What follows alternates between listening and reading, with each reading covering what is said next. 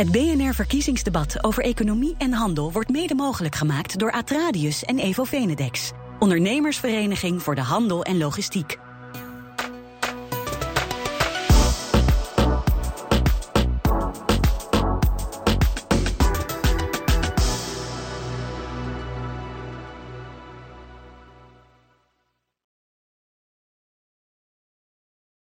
Een hele goede dag op deze bijzondere dag, 15 maart.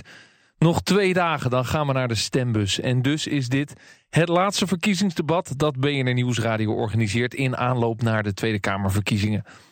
Acht debatten hebben we georganiseerd, allemaal te vinden in deze podcast feed. Dit debat waar je nu naar gaat luisteren draait om economie en internationale handel. Nederland dus als dominee of koopman in de wereld na corona. Een linkse coalitie in de Kamer wil eigenlijk al een nieuwe wet invoeren... om ethisch verantwoord ondernemerschap af te dwingen. Want wie handelt met het buitenland moet zich aan strenge normen gaan houden. Maar is deze nieuwe strengheid nou gewenst en haalbaar... nu heel veel ondernemers natuurlijk eerst de coronacrisis moeten zien boven te komen? En slaan we met zo'n wet eigenlijk wel een deuk in een pakje boter? Want ja, hebben we niet vooral een sterkere Europese Unie nodig om andere landen aan normen en van eerlijke productie en handel te houden? Nou, dat zijn de vragen waar dit debat in deze podcast over gaat. Het is een debat tussen zes kandidaat-Kamerleden en ik stel ze heel graag aan jullie voor. Uh, Marielle Paul van de VVD staat op eh, plek 17 van de lijst. Kirsten van der Hul van de Partij van de Arbeid, plaats 12 en op dit moment ook al Kamerlid. Uh, Hans Velbrief namens D66 staat op plaats 12 ook en is nu staatssecretaris van Financiën. Mahir Okaya van de SP, plek 3 in, op de lijst en op dit moment ook al Kamerlid. Olaf Efreem, uh, hij staat op plaats 3 van Forum voor Democratie, nog geen Kamerlid. En Eppo Bruins, plek 7 op de lijst van de ChristenUnie en op dit moment ook al Kamerlid. Zij gaan met elkaar in debat op basis van drie stellingen die ik heb meegenomen. Daar ga je naar luisteren. Stellingen over Europa, over de relatie met China... maar ook een laatste stelling over coronasteun voor ondernemers in Nederland. De stellingen worden ingeleid door Joris Teer. Hij is strategisch analist bij het Haag Centrum voor Strategische Studies. Het eerste debat wat ik de Kamerleden eh, naar de stelling die ik ze heb voorgelegd luidt. Bij het stimuleren van internationale handel moeten de duurzame ontwikkelingsdoelen voorop staan. En dan gaat het dus in dit debat ook af en toe over de SDG's, Sustainable Development Goals. Nou, het stimuleren van internationale handel, wat Nederland natuurlijk altijd doet... Hoezeer moet je dat nou strenger koppelen aan het bereiken van duurzame ontwikkelingsdoelen? Daar gaat het eerste debat over en als introductie van dat debat horen jullie een inleiding dus van Joris Teer. Schone en betaalbare energie voor iedereen, fatsoenlijk werk voor ieder mens en gendergelijkheid wereldwijd in 2030. De duurzame ontwikkelingsdoelen van de Verenigde Naties barsten van de ambitie. De werkelijkheid is weer barstiger. Kijk alleen al naar onze eigen handelsbetrekkingen. De EU importeert 40% van zijn gas uit Rusland. Een land waar niemand animo lijkt te hebben om echt mee te doen aan de energietransitie. Onze modeketens gebruiken massaal kantoenen uit Xinjiang, een provincie in het westen van China. Hier zitten meer dan een miljoen Oeigoeren opgesloten in massa-interneringskampen en is dwangarbeid wijd verspreid. Bijna alle in de EU verkochte zonnepanelen bevatten onderdelen afkomstig uit deze regio, waarvan de Tweede Kamer onlangs heeft gezegd dat er genocide plaatsvindt. En gaan we straks onze enorme waterstofambities waarmaken met importen uit Saoedi-Arabië? Een land waar vrouwen sinds kort wel auto mogen rijden, maar nog steeds verre van gelijk zijn aan mannen. Tegelijkertijd zorgt internationale handel door onze export voor 2,1 miljoen Nederlandse banen. Daarom de vraag: waartoe dient Nederlands handelsbeleid? Om universele waarden te promoten of om ons nationaal belang te behartigen? De vraag die op tafel, op tafel ligt in dit debat. En uh, de eerste twee politieke partijen die het tegen elkaar op mogen nemen... zijn de ChristenUnie en de VVD. En namens de ChristenUnie geef ik het woord voor één minuut aan Eppo Bruins.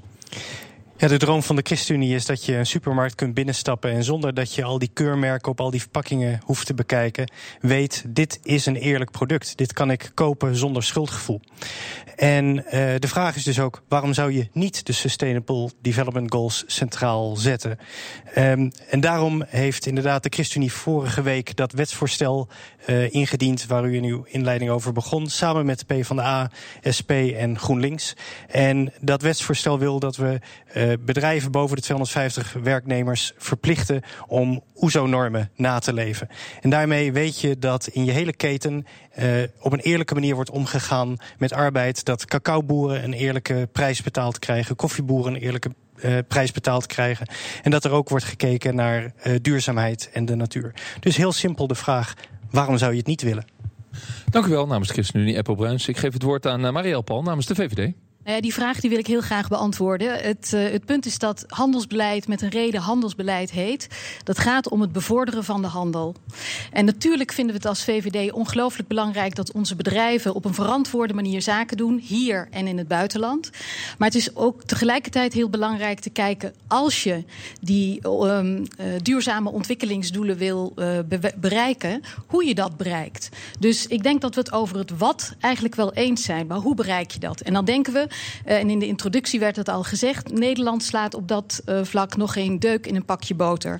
Dus ongelooflijk belangrijk om daar de krachten te bundelen in Europees verband. En te kijken hoe je daardoor aan de ene kant maximale impact kunt hebben op het gebied van duurzame ontwikkelingsdoelen. En tegelijkertijd er ook voor kunt zorgen dat de schade aan ondernemers en bedrijfsleven hier in Nederland zo klein mogelijk is. Oké. Okay. Dank u wel, dank u wel mevrouw Paul. Uh, meneer Bruins, zit er nou veel verschil tussen wat u beiden vindt? Want ook de VVD spreekt over OESO-normen gebruiken in hun verkiezingsprogramma. Ja, maar uh, de VVD die zegt in haar verkiezingsprogramma dat wanneer andere landen de OESO-normen niet houden, dan hoeven wij ons er ook niet aan te houden. En het verschil is dus, ga je voor een gelijk speelveld wanneer de ander de spelregels niet hanteert, of wil je een gidsland zijn? En de ChristenUnie zegt, uh, je moet dit zeker internationaal aanpakken, op zijn minst Europees, liever nog wereldwijd. Maar het begint gewoon bij jezelf. En wat betekent dat dan als je bij jezelf gaat beginnen? Dat betekent dat wij uh, ons realiseren dat er, uh, dat er bij vrijhandel altijd verliezers zijn. En dat je dus een marktmeester nodig hebt. En dat begint dus bij wetten en regels waarvan wij zelf zeggen dat wij ons eraan willen houden. En die OESO-normen zijn voor ons echt een absoluut minimum. Ja, uh, want eigenlijk spreekt u ook over de SDG's. Die in veel gevallen verder gaan dan de OESO-normen, toch? Ja, dat, dat klopt. En uh, wat mij betreft zou je, zou je gewoon kunnen zeggen... waarom zou je je niet aan de lange termijn doelen van de SDG's willen houden? Omdat wat goed is op de lange termijn voor mens, milieu en aarde... dat is goed voor ons, voor onszelf. Uh, je wil op de lange termijn ook geld blijven verdienen. En dat betekent dat wanneer je die SDG's als focus, als stip op de horizon houdt... dat je het goed doet, ook voor de lange termijn... En niet alleen voor de korte termijn waar de VVD meer op gericht ligt. Ja, en, en, hoe kijkt de VVD daar dan naar? U wilt die SDG's niet uh, als, nou ja, de ChristenUnie noemt de stip op de horizon hebben... om bedrijven ook, laten we zeggen, vooruitlopend op OESO-normen daar aan te houden. Nou kijk, ik denk dat heel veel bedrijven... Ik, ik uh, vertelde in de introductie al dat ik 30 jaar in het bedrijfsleven werk. En wat je ziet is dat er ongelooflijk veel gedaan wordt op dat vlak. Dat niet alle bedrijven aan de gehele papieren rompslomp... die daarmee samenhangt, kunnen voldoen op dit moment, is weer wat anders. Ik denk dat we als overheid de plicht hebben om heel goed te informeren en om bedrijven, MKB en grotere bedrijven, te, uh, uh, te stimuleren en ook te ondersteunen daarbij. Hè. Wat dat betreft, het MKB-steunpunt wat minister Kaag uh, heeft opgericht, dat, dat, dat juichen we van harte toe. Maar nogmaals, een gidsland zijn, voorlopen, daarmee de belangen van Nederlandse ondernemers. En dat wil ik ook nog wel zeggen. Vaak wordt er naar het bedrijfsleven gekeken als een heel abstract iets en grote graaiers en noem maar op. Uiteindelijk zijn het bedrijven waar gewone mensen werken. Miljoenen mensen in Nederland die afhankelijk zijn van export die wij drijven. En daar hangt hun werk en inkomen van af. En uiteindelijk, door werk en inkomen, kunnen mensen een mooi bestaan voor zichzelf opbouwen. Kunnen we ook onze eigen economie versterken. Wordt Nederland sterker. Waarmee we ook binnen EU en andere internationale verbanden onze stem heel duidelijk kunnen laten horen. Dit zegt u in reactie op de stelling bij het stimuleren van internationale handel moeten duurzame ontwikkelingsdoelen voorop staan. Meneer Bruins. Ik ben het eens met mevrouw Paul dat we vooral MKB en familiebedrijven moeten beschermen en niet met al te veel papierwerk moeten doodgooien. Um, die moeten gewoon hun onderneming kunnen drijven. In ons wetsvoorstel praten we over bedrijven groter dan 250 werknemers. Het zullen vaak multinationals zijn met lange ketens uh, en, en vaak ook met aandeelhouders. En dan heb je gewoon echt wel een hele dure plicht. Ik denk dat je heel veel uh, plaatselijke ondernemers, MKB'ers, familiebedrijven, die zijn al sociaal en duurzaam. Die hebben dat echt in hun hart zitten.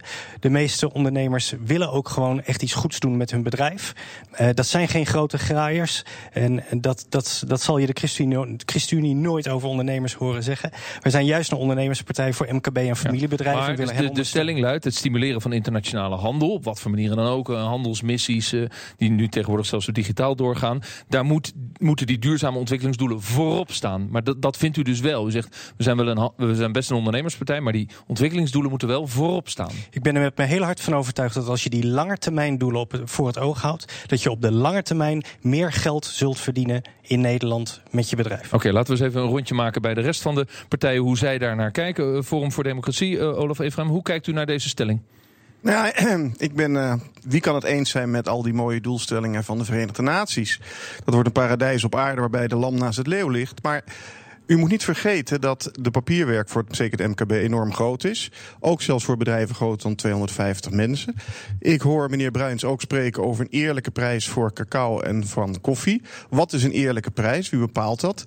En ook wat voor regelgeving moet wel niet gaan opstellen om te kijken of alle bedrijven wel aan allerlei normen gaan voldoen? Wie gaat dat controleren? Wat gebeurt er bij overtredingen, et cetera, et cetera? Ik denk dat het een heel nobel idealistisch initiatief is. Maar ik ben bang dat in de praktijk deze zal uitwerken. Maar, maar u, is uw belangrijkste argument nu dat het onuitvoerbaar is? Terwijl u als laatste toevoegt, het is desastreus. Waarom is dat desastreus? Om als iets onuitvoerbaar wordt en je zit met regelgeving die je nauwelijks weet hoe je het moet naleven. Je gaat toewerken naar oplossingen en naar afvinklijstjes, et cetera. Dat hebben we ook gezien met bijvoorbeeld green bonds en al dat soort zaken. Hè, groene investeringen. Dat is een heel lastig probleem. Ja. Meneer Bruins? Nou, als ik zou denken dat dingen niet mogelijk waren, dan, uh, dan zat ik voor niks in de politiek. Uh, ik heb een droom. Uh, en die droom wordt met mij gedeeld door vele ondernemers. Namelijk dat je met je bedrijf een maatschappelijke missie hebt. En dat je ook goede dingen kunt doen voor je omgeving, voor je gemeenschap. en ook voor de volgende generatie. Okay. En dat vind je terug in die SDG's. En daar willen ondernemers graag aan meehelpen. Korte reactie van Forum? Ja, ik spreek namelijk vrij veel ondernemers de laatste tijd. En die zijn niet zozeer bezig met dat soort zaken. Maar meer om te overleven. En hopen dat ze volgende maand nog de huur van een bedrijfspand kunnen betalen. Ik geef naar de Partij van de Arbeid. Eh, Kirsten van der Hul. Ja, ik vind dat er een beetje een valse tegenstelling hier wordt gecreëerd tussen aan de ene kant uh, de SDG's uh, stimuleren en aan de andere kant handel drijven. Die twee kunnen prima samengaan. En gelukkig zijn er een heleboel Nederlandse bedrijven die dat ook al laten zien. En sterker nog, die bedrijven die vragen ons juist: kom nou met die wetgeving, creëer nou dat gelijke speelveld, zodat die, die concurrentie ook wordt gedwongen ja, die ja, zetten. U bent ook een van de initiatiefnemers van, die, van, dat, van dat wetsvoorstel. Maar dat komt vanuit het bedrijfsleven, zegt u? Er zijn zeker bedrijven die koplopers zijn. En zij zeggen: maak nou die wetgeving, leg die lat hoger. Zodat je ook dat gelijke speelveld creëert waar, ja. Zij, ja, waar zij al de voorhoede zijn. Haal die achterhoede erbij. Ja, D66 is ook uh, betrokken bij, die, bij dat soort wet, wetgeving. Hoe reageert u op het voorstel, en meneer Velbroeg, uh, uh, dat Forum zegt het is eigenlijk onuitvoerbaar? Nou, dat weet ik niet. Ik, ik denk van niet. Maar ik denk wel. Misschien mag ik nog iets zeggen over het voorstel. Uh, nationaal is het een goed idee. Europees is het een beter idee. Dus in die zin zit ik op de lijn van mevrouw Paul. Ik heb liever Europese wetgeving, maar dat geldt denk ik ook voor, voor de heer Bruins en mevrouw Van der Hul. Dat, is, dat willen wij eigenlijk liever, omdat dat het simpeler maakt. En je houdt gelijk speelveld. Ja, maar toch hebben jullie in Nederland het initiatief genomen om hier iets over op papier te zetten. Nou, we zouden dit in Nederland belangrijker moeten maken. Wij zijn, wij zijn geen initiatiefnemer van de wet, maar ik heb vorige week al in het debat gezegd, wij zullen, als dit in de formatie op tafel zou komen, wij zitten aan tafel, dan zullen wij nastreven dat de Europa is overigens ook een hele sterke beweging bezig. Het Europees Parlement is ermee bezig. En zullen we ook naar dit initiatief kijken over de uitvoerbaarheid. Het heeft iets te maken met hoe je het doet. Uh, je hebt ketenverantwoordelijkheid voor een ondernemer. Dat die keten is natuurlijk in stukjes geknipt. Want die ondernemer krijgt weer aangeleverd van een andere ondernemer. En dat houdt ergens op bij de grenzen van de Europese Unie. En dan kom je weer op de handelsverdragen. Dus zo zit het in elkaar. En dan wordt die ook daarmee, als je die keten een beetje opknipt, wordt die ook uitvoerbaarder. Uh, maar ik blijf, ik blijf zeggen, Europees beter. Want dan hou je een level playing field met andere Europese bedrijven. Dat punt is gewoon, ja. is gewoon waar. Ik, bedoel... ik, begrijp het punt van de keten opknippen. Maar de vraag is natuurlijk, kan dat eigenlijk wel? Maar heel Paul, u zegt, ja, ik heb 30 jaar in het bedrijfsleven gewerkt. Werkt het wel zo in de praktijk? Het is ongelooflijk lastig. Want uh, ik bedoel, die keten bestaat uit heel veel onderdelen. En uh, ga, ik noem maar wat, als er doelstellingen zijn... of het nou gaat om uh, gendergelijkheid of wat dan ook... ga dat maar controleren. Ik bedoel, het klinkt heel simpel. In theorie is het waarschijnlijk simpel, maar in de praktijk niet. Ja. En daar zou ik ondernemers niet mee willen belasten. Nee, nog even terug naar de stelling. Bij het stimuleren van internationale handel moet duurzame ontwikkelingsdoelen voorop staan. Vindt D66 dat eigenlijk wel of niet? Ja, dat, dat vinden wel. En ik zal één praktijkvoorbeeld geven als het mag. Uh, ik ben baas van de exportkredietverzekering als staatssecretaris van Financiën. En we gaan echt uh, binnen zo kort mogelijk tijd proberen om die exportkredietverzekering in overeenstemming met de doelen van Parijs te brengen. Te verduurzamen. Dus dat is een van die dingen waar je kunt zien dat wij voor zijn. Dat zou ons doel zijn. Uh, dus het antwoord is ja. Ja, oké. Okay. En namens de Socialistische Partij, maar hier elkaar, ja. Hoe kijkt u naar deze stelling? Weet u wat het gevaar is van de discussie zoals ik hem tot nu toe heb gehoord? Is dat het zo theoretisch is en het blijft dan haken bij uh, ja, hoe regel je dat dan uh, voor bedrijven dat het op zijn minst behapbaar wordt administratief gezien. En dat we uit het oog verliezen wat er nu dus gebeurt. Wekelijks, als het niet dagelijks is, hebben wij de afgelopen tijd te maken gehad met Nederlandse bedrijven die betrokken zijn bij dwangarbeid, bij onveilige omstandigheden in de textielindustrie, bij vervuiling van het milieu in Afrika als het gaat in de fossiele industrie. Daar moeten wij vanaf. Kijk, als er geen probleem zou zijn, dan hadden wij dus hier ook niet over dit soort uh, uh, oplossingen hoeven na te denken. Dus laten we ook niet die problemen uit het oog nee, verliezen. Maar hoe dan... moeten we dan, wat u betreft, er vanaf?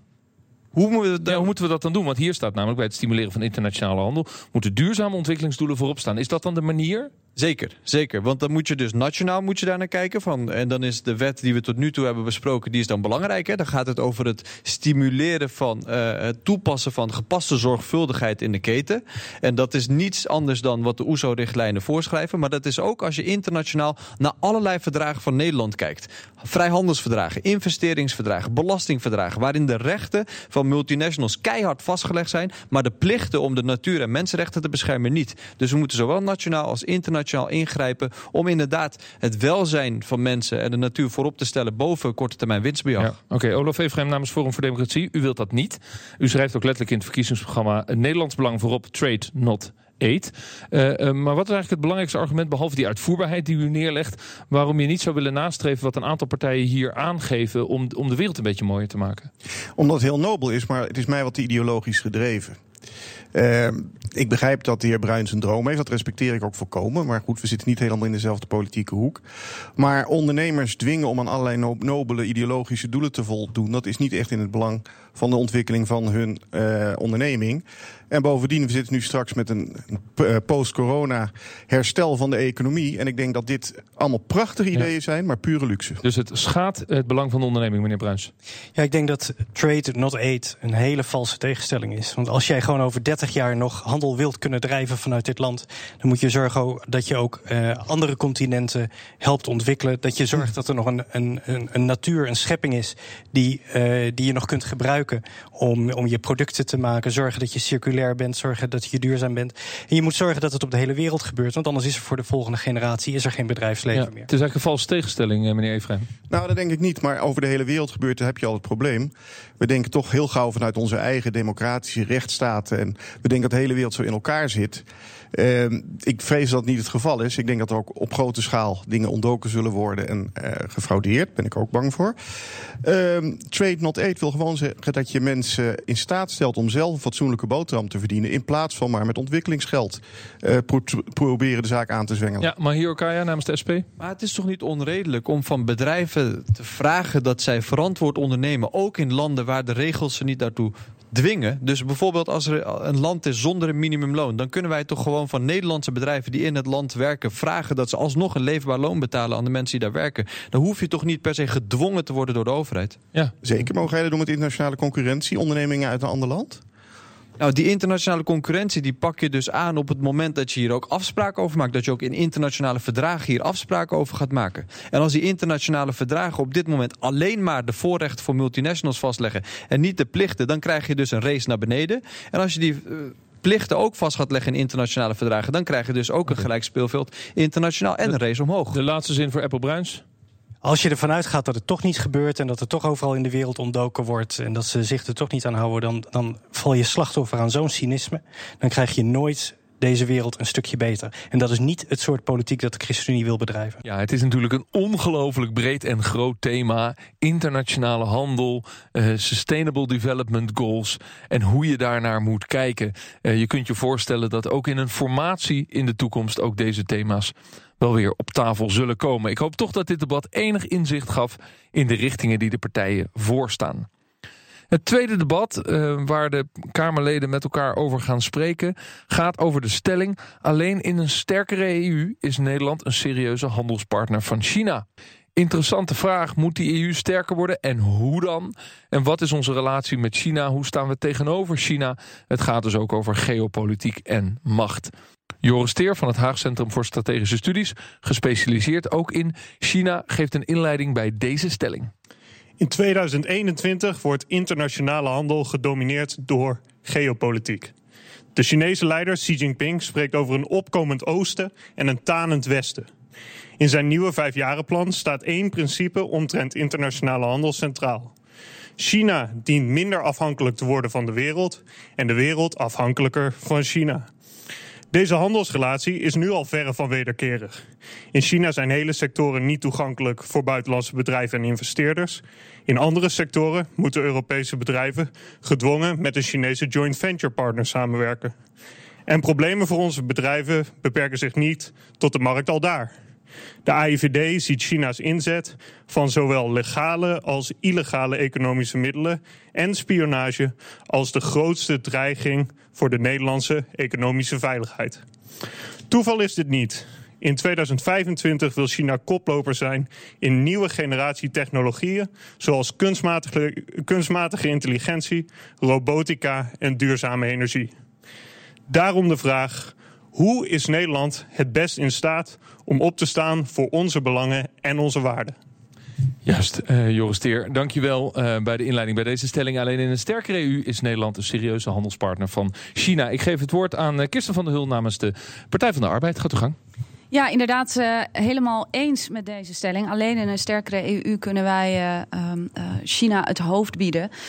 die wederkerigheid is al heel lang ver te zoeken. zo bleek net ook uit de inleiding. En het is ongelooflijk belangrijk om daar samen in op te trekken als, als Europese Unie. Waarbij ik wel de kanttekening wil plaatsen dat we dat dan ook wel echt moeten doen. Op dit moment wordt er gesproken over een nieuw handelsakkoord. En in dat handelsakkoord zijn eigenlijk boterzachte paragrafen als het gaat om de mensenrechten. En er werd net al gesproken over de situatie van Oeigoerse dwangarbeiders. We hebben de mensenrechten situatie in Tibet. De lijst wordt bijna met de dag langer. Vrije pers is uh, echt al, al, al heel lang geen sprake van. Dus de mensenrechten situatie moeten we dan wat mij betreft ook wel keihard onderdeel maken van die afspraken. Als we dat doen, dan trekken we samen als Europa een hele duidelijke lijn. Zo doen we zaken en zo niet.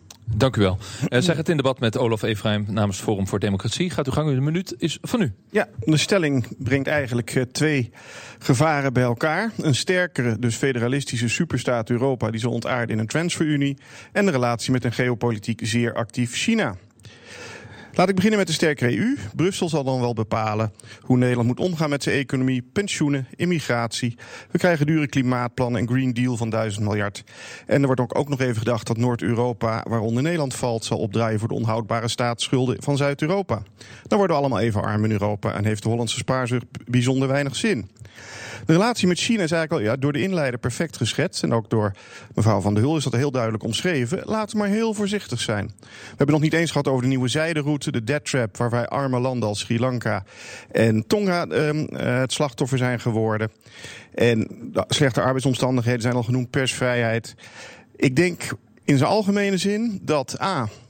Uh, er geen enkele reden is om een sterkere EU te willen. Dat zal ten laste gaan van onze welvaart. En zeker niet om daarmee een band te kunnen kweken met China. Daar geloof ik eerlijk gezegd helemaal niet in. Oké. Dank u wel, uh, Olaf Efraim namens Forum voor Democratie. Waar zou u op willen reageren, mevrouw Van Hul van de Partij van de Arbeid? Nou, ik hoor hier nogal uh, een aantal uh, doemscenario's. En ik wil toch wel het graag even bij de feiten houden. Het is een feit dat um, Europa de grootste, het grootste handelsblok op dit moment in de wereld is. Het is een feit dat Nederland uiteindelijk um, niet zonder Europa kan. 70% van onze export hè, gaat, gaat ook binnen Europa. we hebben um, 1500 euro per per jaar worden wij er als Nederlanders beter van. Dus doen alsof Europa ons geld kost, is gewoon niet waar. Dat is pertinent niet waar. En ik denk dat je het aan, aan elke willekeurige ondernemer uh, kan vragen. Levert Europa jou wat op? En die zal volmondig zeggen ja. En tegelijkertijd is het ook niet klaar. Het proces, het project is nog niet klaar. En wat ons betreft moet het daarom ook beter. Handelsakkoorden, en uh, de heer Alkaya zei het al, hebben nu wat ons betreft te veel oog alleen maar voor die belangen van multinationals. Mensenrechten en milieu moeten daar wat ons betreft minstens zo goed in geborgd worden. En daarom zeggen wij en in Nederland en in Europa samen optrekken voor die duurzame economie. Oké, meneer Efraim.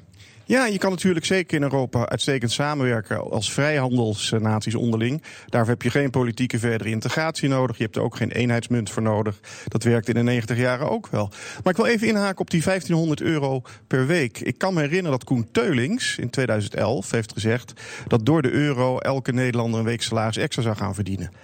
Gelukkig heeft hij in 2014 in mei uh, in de Telegraaf gezegd dat dat eigenlijk niet waar was. Dat dat zwaar overdreven was. En dat je dat helemaal niet kan uitrekenen.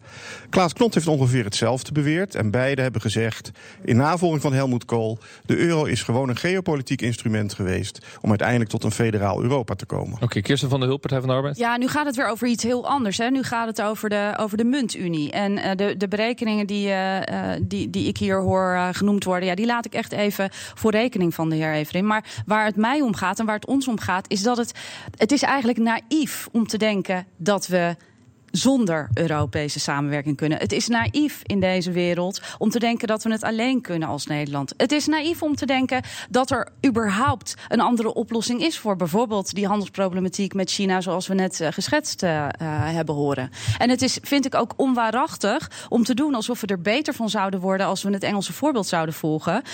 omdat de waarheid is, we worden er slechter van, we kunnen niet zonder die samenwerking. ja, ik hoor dat, die cijfers neem ik graag voor mijn rekening, dat is geen probleem. Ik word er waarachtig uh, heet, ik naïef een aantal keer. Maar zonder euro gaat het Europese project vrij snel in elkaar vallen. Dan moet ik u toch echt uit de droom helpen. En dan zullen de zuidelijke landen hun eigen munt terug moeten devalueren. of anderszins hun economie aanpassen. Maar ik denk, en ik geloof dat ik denk, ik vermoed dat ik met de meeste mensen hier daar niet over eens zal worden. En dan is het toch simpel. We vragen het aan de bevolking. We vragen het gewoon via een referendum. Wilt u een Europees. U kunt ook in delen opknippen. Hè? Wilt u een Europees leger? Wilt u een Europese munt? Wilt u Europese vrijhandel? Wilt u Europese federale staat? Wilt u een, een Europese premier? Uh, premier u wilt het aan de bevolking vragen, maar Forum voor Democratie uh, wil uh, uit de Europese Unie. want u denkt dat. En dat zou geen invloed, want dit debat gaat over handel en, en economie. Dat doet dan niet pijn aan onze handelsgeest en handelsnatie? Het ligt puur aan hoe je dat gaat organiseren. Als je gewoon een vrijhandelszone hebt hoeft het helemaal niet zo verschrikkelijk veel pijn te doen. Ja. Apple Bruins, ChristenUnie? Wij kunnen niet zonder Europa. We zijn een interne markt en dat is goed. Daardoor kunnen we exporteren. Uh, en die, die muntunie, waar meneer Everim zo uh, ja, toch zorgen over heeft. We moeten wel zeggen dat die euro voor ons heel goedkoop is. En juist onze handel, onze export heeft gestimuleerd. De vraag is of die wel goed is voor Zuid-Europa. En of dat wel houdbaar is.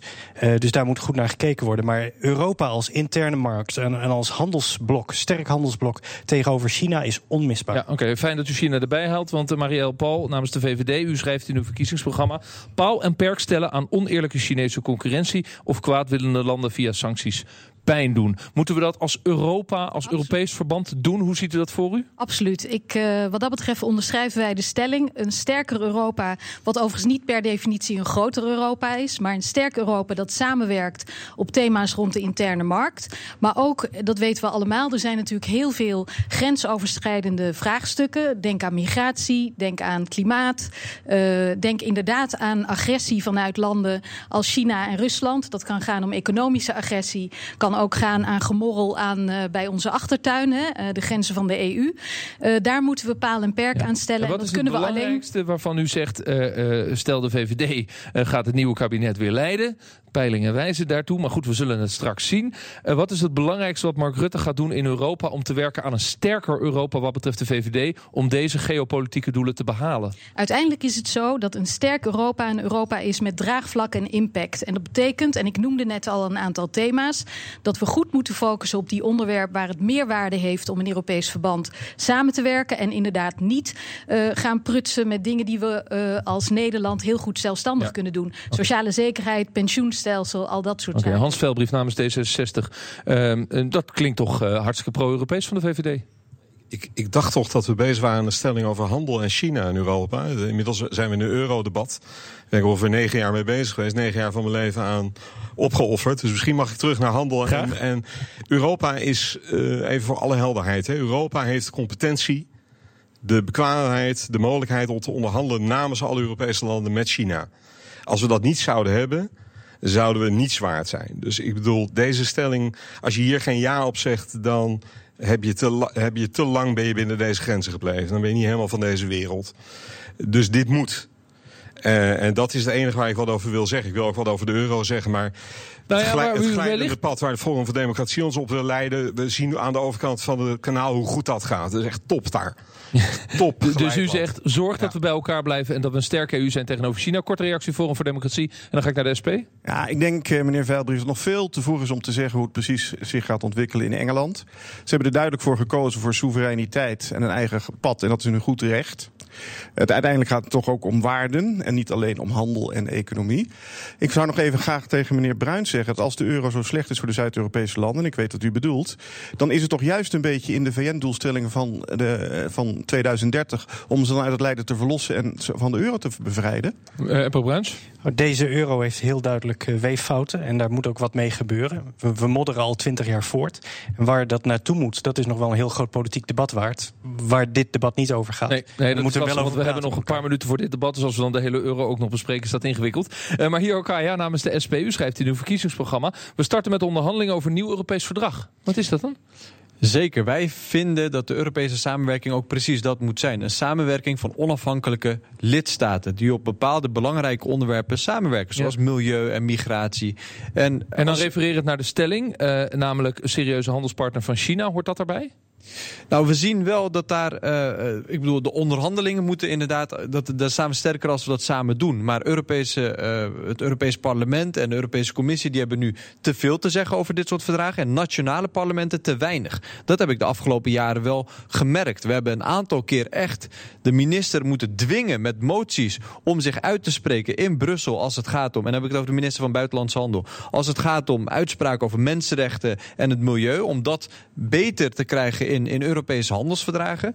Maar dat gaat dus niet vanzelf. De Europese Unie doet dat op dit moment niet. Dus daar moet wel iets gebeuren. En ik denk dat de beste manier om dat te regelen is dat de nationale parlementen daar meer te zeggen over krijgen. Dat als nationale parlementen het niet willen, dat zo'n Europees eh, verdrag er niet komt. Ja, is dat een goed idee? in ons eh, alle belang zijn. Marielle Paul, eh, dat nationale parlementen op dat soort terreinen meer invloed krijgen? Nou ja, kijk, op een aantal vlakken moeten de nationale parlementen het primaat houden. Maar ik zie eerlijk gezegd niet waar dit toe gaat leiden. Want dan valt de hele boel uit elkaar. Als je, als je kijkt naar wat we op dit moment hebben hè, eh, in, in de EU. En wat dat ons aan stabiliteit, aan welvaart heeft gebracht. Niet alleen Nederland, maar de hele eh Westers, eh, de, of zeg maar de hele EU. Ja, ik zou niet weten waarom je zou moeten gaan klussen aan een nieuw eh, soort van constructie. Ja, korte reactie, maar hier Ja, elkaar. dat is echt doemdenken. Want dit, dit zien we dus elke keer. Dat als we dus niet eens zijn met de huidige koers van de Europese Unie, dat we dan eruit zouden moeten of zo. En dat denken heeft er juist toe geleid dat het Verenigd Koninkrijk de hele Unie maar heeft verlaten. Omdat zij bijvoorbeeld geen eigen regels konden stellen op het gebied van De arbeidsmigratie. SP wilde niet uit, hè, voor de volledigheid. Wij willen er niet uit. Nee, Wij willen gewoon meer ja. bevoegdheden om en vervolgens samenwerken als onafhankelijke lidstaat. Ja, maar u wilt dus meer bevoegdheden terughalen naar Den Haag. Ja. Dat wilt u wel. Want eh, eh, Kirsten van der Hult tot slot voor de Partij van de Arbeid. Op heel veel thema's landelijk vinden de SP en de Partij van de Arbeid elkaar heel snel. Denkt u over heel veel dingen hetzelfde. Maar hier ligt echt een groot fundamenteel verschil hoe de Partij van de Arbeid naar Europa kijkt en de SP. Hoe zou u dat verschil het best omschrijven? Nou, ik denk eh, in eh, het woord optimisme. Dat is denk ik het verschil. En ik denk dat het heel erg belangrijk is om juist in deze tijden een optimistische Europese koers te varen. Wel kritisch, en dat doen we ook. Ik ben ontzettend trots eh, op onze collega's in het Europees Parlement die vorige week ervoor hebben gezorgd dat ook daar een motie is aangenomen.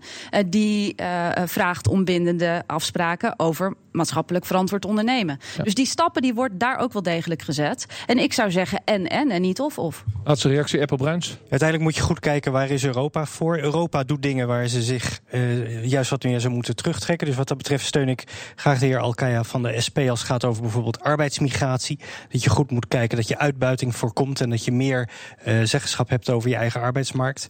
Ehm, maar, maar er zijn ook eh, onderwerpen waar Europa juist zich fors voor moet inzetten. En juist internationale handel en gesprekspartner met grote andere machtsblokken. Juist daar is Europa van cruciaal belang.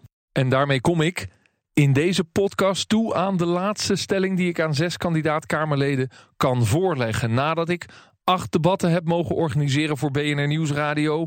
Elk debat zes kandidaat-Kamerleden. Dat zijn dus alleen al 48 plekjes te verdelen achter de katheders bij ons in Dauphine in Amsterdam.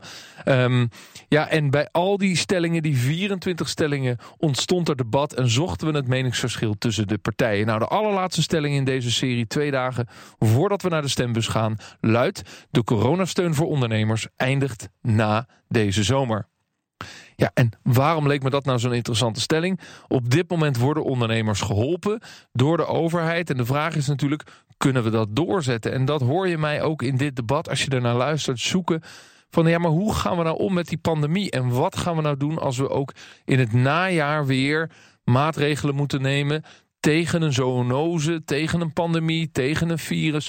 En blijven we dan de ondernemers helpen? Nou, staatssecretaris Velbrief in dit debat namens D66 geeft daar ook wel zijn mening en zijn visie op. Want elk debat begint met een uh, nou ja, debat tussen twee kandidaat-Kamerleden. Hans Velbrieg en Mahir Alkaya zijn degene van D66 en SP die dit debat aftrappen. En je hoort eerst Hans Velbrief. Ja, ik zou zeggen, wisten we het maar zeker, meneer Bouwhuis. Wisten we het maar zeker, dan zou ik direct ja hierop zeggen. Uh, de werkelijkheid is natuurlijk dat we gewoon niet weten hoe het virus zich zal gedragen uh, de komende maanden. En ik hoop en, uh, en ik bid dat dit uh, een keer mag eindigen en dat we dan open kunnen. Uh, daarvoor heeft, zijn er voorstellen gedaan door mevrouw Kaag om die opening in ieder geval met vaccinatie samen met testen mogelijk te maken. En wij zullen het bedrijfsleven blijven steunen tot het moment dat het ook echt weer open kan. Dat is de lijn die we hebben met elkaar in de coalitie, maar volgens mij ook breder in de Kamer. En ik vind het ontzettend belangrijk om dat nog een keer te bevestigen hier. Ja, dat gaat uit van de idee dat corona voorbij gaat en dan kunnen we ook stoppen met het steunen van ondernemers. maar vraag is natuurlijk als er na de zomer bijvoorbeeld een golf komt aan besmettingen, hoe groot of hoe klein dan ook, of we dan opnieuw ondernemers gaan helpen. Bent u daar voor of tegen? Wij, ja, daar ben ik voor. Want we hebben, we hebben de instrumenten ook zo gemaakt. Uh, wordt met jaloezie uit het buitenland naar gekeken, kan ik u vertellen. Dat die meeademen met wat er gebeurt. Hè. De NOW ademt mee met hoe het gaat in zo'n onderneming. Uh, als de omzet daalt, dan krijg je meer. Nou, u, begrijpt, u begrijpt het systeem. Dus we houden die instrumenten. Ik zou er erg voor zijn om die instrumenten voorlopig even in onze instrumententas te houden. tot we zeker weten dat we hier vanaf zijn. De instrumenten gaan nog niet in een uh, min 80 vriesvak uh, voor een Pfizer-vaccin. Ik begrijp het. namens de SP, meneer Okaya. Daar ben ik het mee eens. Dus dit debat wordt minder spannend dan die andere debatten, ben ik bang. Kijk, op het moment dat je niet met zekerheid kunt zeggen dat het einde van de coronacrisis in zicht is, dan kun je ook nog niet spreken over het afbouwen van die steun. Speciaal voor echt. Hè, als we het specifiek ook nog eens over, het MKB en de horecaondernemers hebben. Die hebben het nu zo moeilijk. En om nu al te speculeren over het stoppen van die steun, dat vind ik te voorbarig. Um, wij zijn ook voorstander geweest van al die steunmaatregelen. Of het overgrote deel van die steunmaatregelen van het kabinet. Sterker nog, wij hebben gezegd het moet eerlijker en ruimhartiger op onderdelen. En het beste voorbeeld daarvan is toch wel die partnertoets in het TOZO. Dat, uh, die steunmaatregel voor zelfstandigen. Op dit moment is het zo dat je als zelfstandige geen steun krijgt. Als je een partner hebt met, met inkomen, ook al is dat het minimumloon. Ja, dat is oneerlijk, dat vinden wij niet uit te leggen. Er komen heel veel mensen door in de problemen. Wij vinden juist dat het ruimhartiger moet. Ja, je kunt je ook voorstellen, meneer Velbrief, dat we uh, naar een periode toe gaan waarin het geen crisis meer is, maar eigenlijk een, uh, het vreselijk woord, het nieuwe normaal, de nieuwe situatie. Het is een zoonose, misschien komt er een andere zoonose, er komt een, een vierde golf in oktober, net zoals dat er misschien weer een griepgolf uh, komt.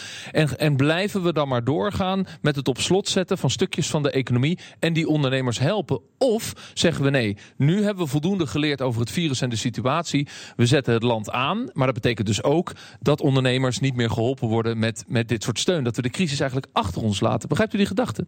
Jazeker. Mag, mag ik ook nog wat zeggen over de tozen? Eerst, eerst deze maar even dan. De stelling was, stop je ja. van de zomer met steun? Het antwoord is nee, want je weet niet zeker wat er aan de hand is. U zegt eigenlijk iets anders waar ik het mee eens ben. Namelijk, je moet uiteindelijk naar een economie toe waar je gewend raakt aan het feit dat dit virus aanwezig is. Waarin vermoedelijk groepsimmuniteit is ontstaan en de meeste mensen gevaccineerd zijn. Dus ik, ik, dit scenario wat u Sluit schetst... niet uit. Nee, dat, dat helemaal niet. Ik, u vroeg mij alleen net, gooi je die instrumenten weg, leg je die ter zijn en doe je daar nooit meer wat mee? Nee, dat lijkt me nou niet verstandig. Okay. En even, over de, even over de TOZO en de partnertoets. Twee, twee reacties daarop. Eén, in de gewone bijstand is er ook, is er ook een partnertoets. Hè? Dus in het kader van eerlijkheid, is ook voor de SP belangrijk, is, is dit gedaan. Het tweede is dat, uh, maar dat weet de heer Alkaya ook, het kabinet zojuist, hè, kort geleden, de TONK, een nieuwe afkorting heeft aangekondigd. Die gemeente weer extra mogelijkheden geeft om ondernemers die door die partnertoets of door andere omstandigheden in problemen komen, toch weer te helpen. Dus ik vind dat het kabinet dat echt de coalitie of de Kamer, hoe je het verder wil noemen, ruimhartig heeft gedaan. Ja, meer dan ruimhartig. Ja, het grote verschil met de normale situatie is natuurlijk dat die zelfstandigen er op dit moment niets aan kunnen doen. Hè? Het is geen ondernemersrisico. Het is dat de overheid zegt van jij moet even op dit moment stoppen in het algemeen belang. En volksgezondheid gaat voorop. En dat snap ik volledig, dat steun ik ook. Maar dan is het wel heel wrang dat je dus helemaal geen steun krijgt op het moment dat je partner een cashier is of in de, bij de klantenservice werkt. Daar komen dus heel veel mensen in de problemen mee. Dus die steun zou ruimhartiger kunnen. En ik vind de stelling verder ook wel een beetje pessimistisch. Want als we zien dat die vaccinaties nu hopelijk wat, uh, wat stoom gaan krijgen, wat, wat sneller gaat, dan is er ook licht aan het einde van de tunnel. En dan hoeven we ook niet na te denken over de vierde of vijfde golf. Kijk, natuurlijk is er altijd een risico, maar de volksgezondheid staat dan net zo goed voorop en dan moet er ook weer steunmaatregelen. Ja, de, een van de redenen dat we eh, deze stelling bijvoorbeeld ook hebben neergelegd, dan kom ik heel kort even naar uw programma toe, meneer Elkaar. We willen dat het kabinet snel met een crisisuitkering komt voor mensen, het staat op site van de SP, voor mensen die als gevolg van ingrijpende maatregelen tegen corona zonder werk en inkomen komen zitten. Dat dat wilt u graag. Eh, de, de, zoektocht waar de kiezer wel recht op heeft voor 17 maart is hoe kijken naar de verschillende partijen naar een leven ja, met corona wat misschien komt en gaat. Misschien niet meer zo heftig als dat we afgelopen jaar hebben meegemaakt. Maar met corona wat komt en gaat. En wat betekent dat voor ondernemers en wat betekent dat voor baanzekerheid? U kunt toch geen, geen banen garanderen voor, voor mensen ja, als, als de, het type van de economie verandert, eh, meneer Okaya?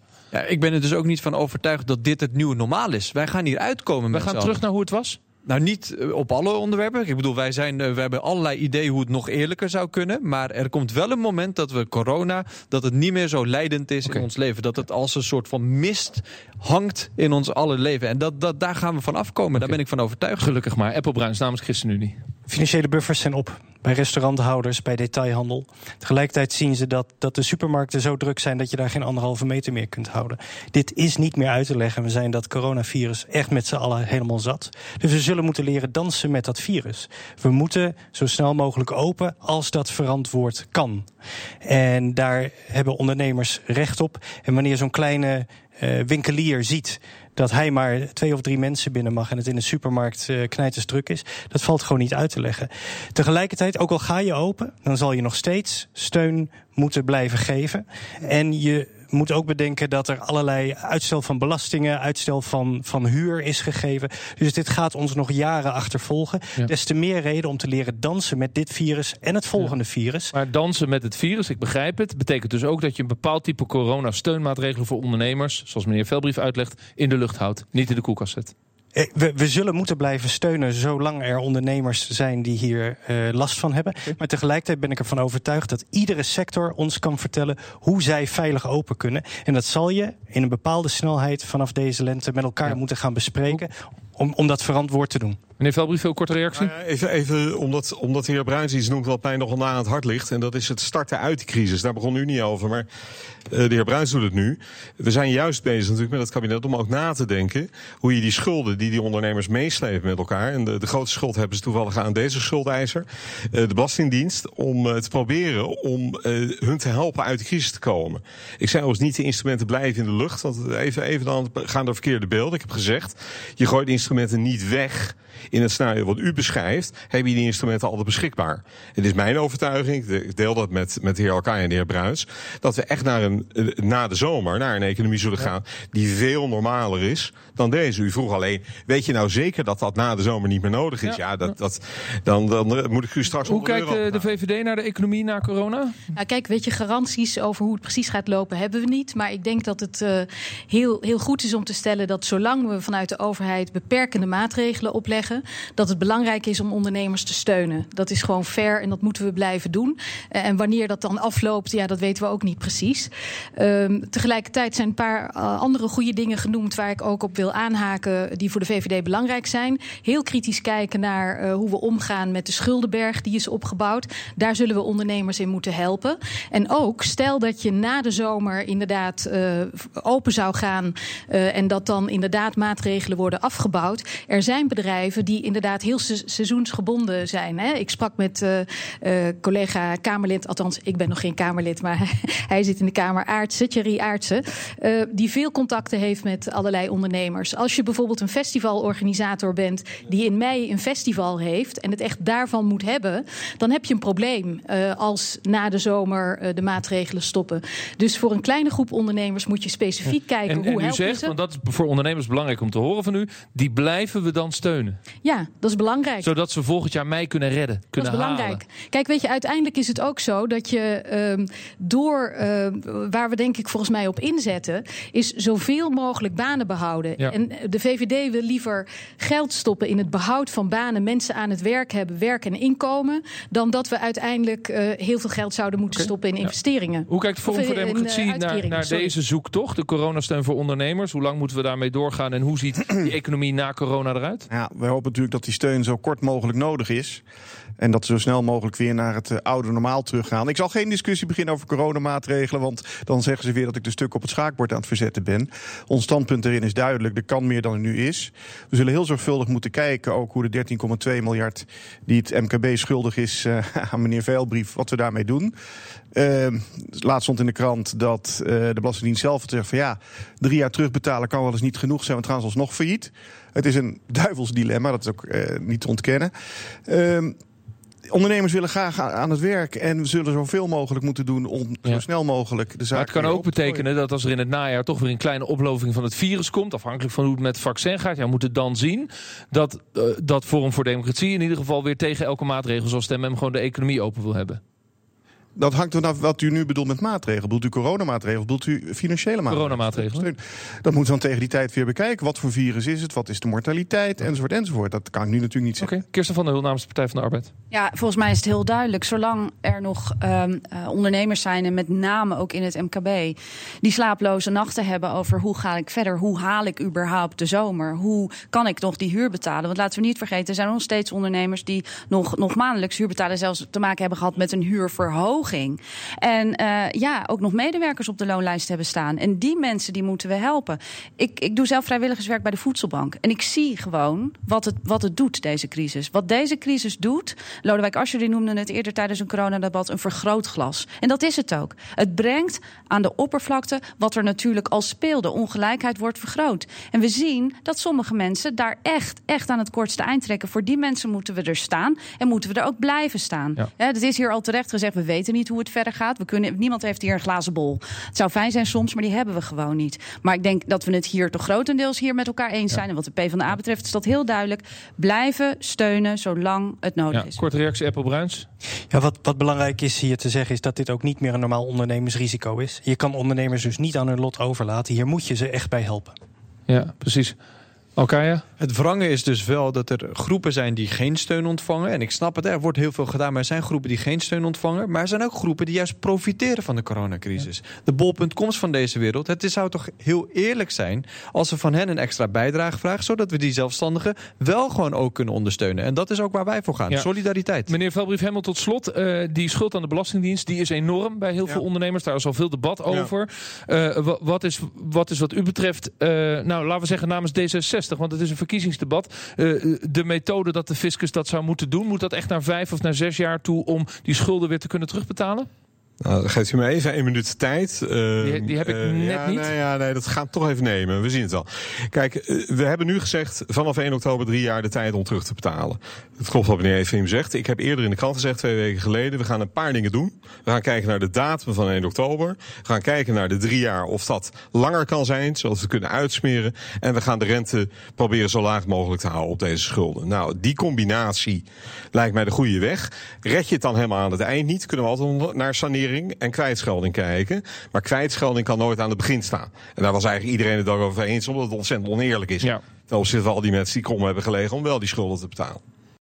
En ik concludeer na dit debat in ieder geval dat er toch brede steun is voor het idee dat je ondernemers blijft helpen als je noodgedwongen vanuit de overheid eh, ondernemers moet laten stoppen met datgene wat ze doen. Of het nou het sluiten van een horecatent is of een festival wat pas volgend voorjaar kan worden georganiseerd.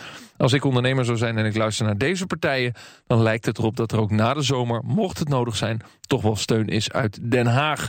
We zullen zien hoe dat in de formatie verder wordt vormgegeven. Ik dank al mijn gasten van dit debat over economie en handel. Eh, Kirsten van den Hul van de Partij van de Arbeid. Olaf Efraim van Forum voor Democratie. Eppo Bruins namens de ChristenUnie hebben jullie gehoord. Marielle Paul namens de VVD. Hans Velbrief D66 en Mahir Alkaya namens de SP. De BNR-verkiezingsdebatten waarin we in anderhalve maand tijd een serie hebben willen maken om jullie, nou ja, laten we zeggen, mee te nemen in de inhoud over de thema's die er op tafel lagen. Ja, de stembussen zijn al open op het moment dat ik deze podcast opneem. Aanstaande woensdag is de echte verkiezingsdag. Luister nog eens terug in deze serie als je een thema wil uitdiepen... en je af wil vragen op welke partij ga ik stemmen. Als je nog geen keuze hebt gemaakt, luister en stem af op de inhoud. Deze podcast hebben we met heel veel plezier en liefde gemaakt. Ik dank iedereen die heeft bijgedragen aan de serie De BNR Verkiezingsdebatten. En in het bijzonder Elisabeth van der Hogen die de redactie voor haar rekening heeft genomen. Dank Elisabeth voor de fijne samenwerking. Voor jullie bedankt voor het luisteren. Ik hoop dat de serie jullie mee heeft kunnen nemen in de inhoudelijke thema's van deze verkiezingen in dit knots, knots, knots gekke coronajaar. En ik hoop dat ik bij een nieuwe debatserie weer in jullie podcastfeed te vinden ben. En dan hopelijk met een beetje minder corona in ons leven. Mijn naam is Maarten Bouwers. Bedankt voor het luisteren. Dag.